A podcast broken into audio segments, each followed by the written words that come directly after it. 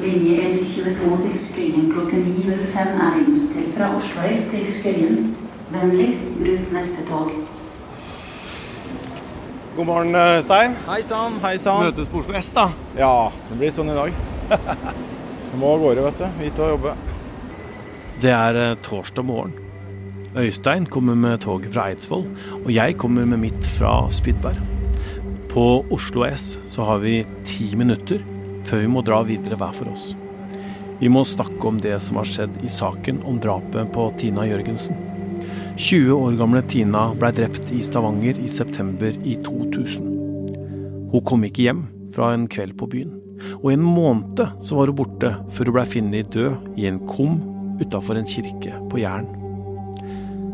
Saken forblei uløst, inntil politiets cold case-gruppe tok tak i den. Ny etterforskning i Birgitte Tengs-drapet fra 1995 førte til at politiet pågrep en mann i fjor og sikta ham for drapet. Den samme mannen blei også mistenkt for drapet på Tina Jørgensen. Men nå har han fått ny status i etterforskninga. Ja, nå skal vi begge videre og ut og, og jobbe. Eh, Men, men vi må snakke om det som eh, vi fikk vite i eh, går, Øystein. Da er det altså klart at mannen som er sikta for drapet på Birgitte Tengs, også nå har status som sikta i drapet på Tina Jørgensen. Han var jo mistenkt for det drapet inntil nå, eh, hvor det har blitt kjent at han har også blitt sikta for det. Kan du forklare egentlig hva det betyr? Ja, Det er, tyder nok på at han har vært sikta en lengre periode enn som så. Um, og Det det handler om, er at politiet har brukt Tina Jørgensen-saken uh, når de har um, uh, gått i retten uh, for å få såkalt skjellig grunn til mistanke, fordi de skulle drive hemmelig etterforskning mot ham, bl.a. Hemmelig ransaking. Og Da hadde de en hypotese om at det kunne finnes uh, spor uh, i Tine Jørgensen-saken, at han også sto bak den og argumenterte for det overfor retten. Og retten fant da at det er såkalt skjellig grunn til mistanke. Det betyr at det er eh, mer sannsynlig at han har eh, vært involvert i eh, Jørgensen-saken, enn motsatt. Og så mm, er det jo sånn at eh, de, så vidt vi vet, så fant de ingen bevis under denne hemmelige ransakinga eh, mot eh, mannen når det gjelder eh, Tine Jørgensen-drapet. Eh, Så får vi høre hva politiet etter hvert sier, men det kan jo tyde på at eh, mistanken i hvert fall ikke er styrka. Og jeg deler eh, analysene til forsvareren til den mannen som er sikta for, for da Tengs-drapet og, og nå også sikta for Jørgensen-drapet, om at dette er en litt sånn teknisk greie, hvor politiet har argumentert for at de måtte gjennomføre en hemmelig etterforskning med tanke på at det kunne finnes bevis.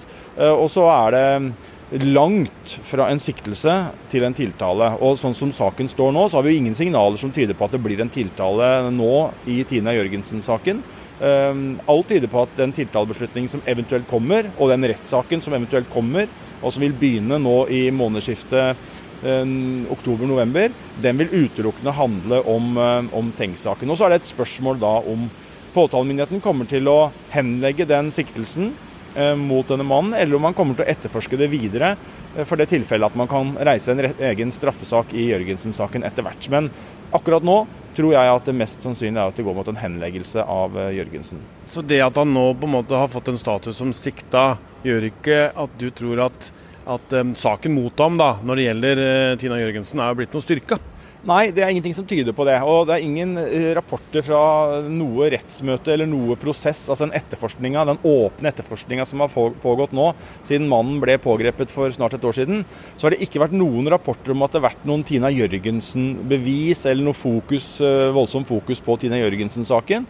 Det har handla om eh, veldig mye Tengs-drapet, denne blandingsprofilen, denne DNA-profilen, og hans eh, eh, ja, hvor han kjørte og hvor han oppholdt seg den natta eh, som, eh, som Birgitte Tengs ble drept.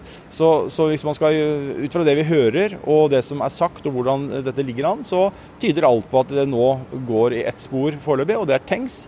Og så um, får vi se hva som skjer med Jørgensen-saken. Og sånn sett så er det ingen sånn stor dramatikk at han har blitt eh, såkalt, eller fått en status som sikta for, for også og det drapet. Så det er veldig stor forskjell da, på siktelsen i Tengs-saken og siktelsen i Jørgensen-saken, bare for å si det.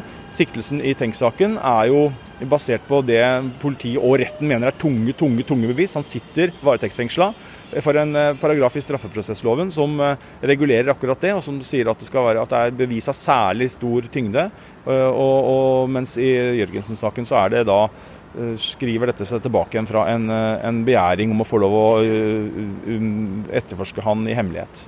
Og så er det sånn at når han som nå er sikta får vite at de har hatt en skjult etterforskning, da får han automatisk en status som sikta? da? Ja, han har jo vært sikta lenge, og så er det sånn at det blir du ikke underretta om. Det sier seg jo sjøl. Altså hvis det, Politiet i Oslo nå sikter deg mens vi står her og mener at du har begått et lovbrudd, og starter en, eh, kanskje en telefonavlytting mot deg, starter en om hemmelig ransaking, begynner å speile PC-ene dine, så er jo det noe du ikke får vite. Men du skal underrettes om det etter hvert. Det har de en plikt til. Men det kan politiet Eh, selvfølgelig da eh, holde unna og gå til retten og på en måte få en aksept for at man holder unna så lenge det er til skade for etterforskningen at du får vite det. Men på et tidspunkt så får du jo vite det. Det vet vi jo bl.a. har skjedd i Lørenskog-saken, at det har blitt underrettelser om at det har vært hemmelig etterforskning på et tidligere stadium. Det er ikke sånn at han får vite at nå har de gått til retten for å få lov til å ransake hjemme hos deg? Nei, da ville det jo ikke vært noen vits. ikke sant? Det Hele poenget med hemmelig ransaking og hemmelig, hemmelig etterforskning er jo at det skal være veldig, veldig hemmelig. Og, og, og, det er jo sånn eh, da at uh, du får en uh,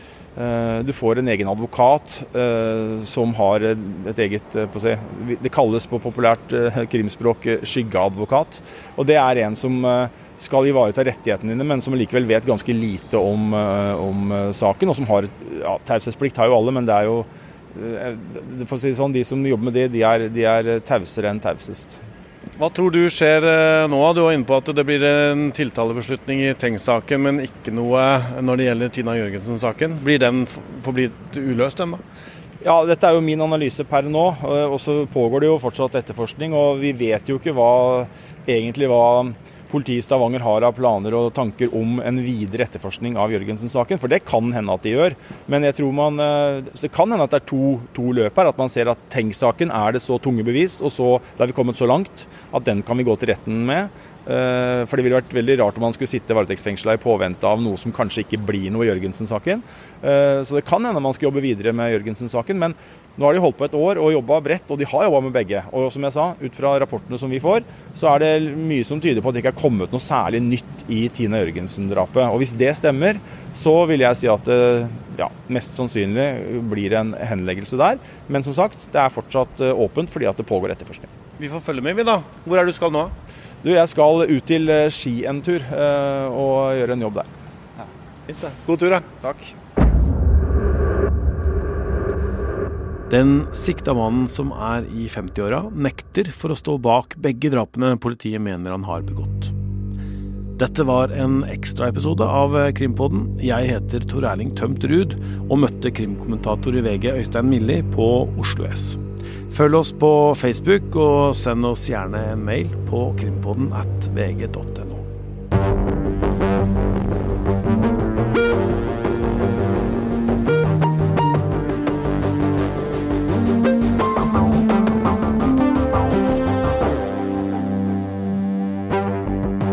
Du har hørt en podkast fra VG.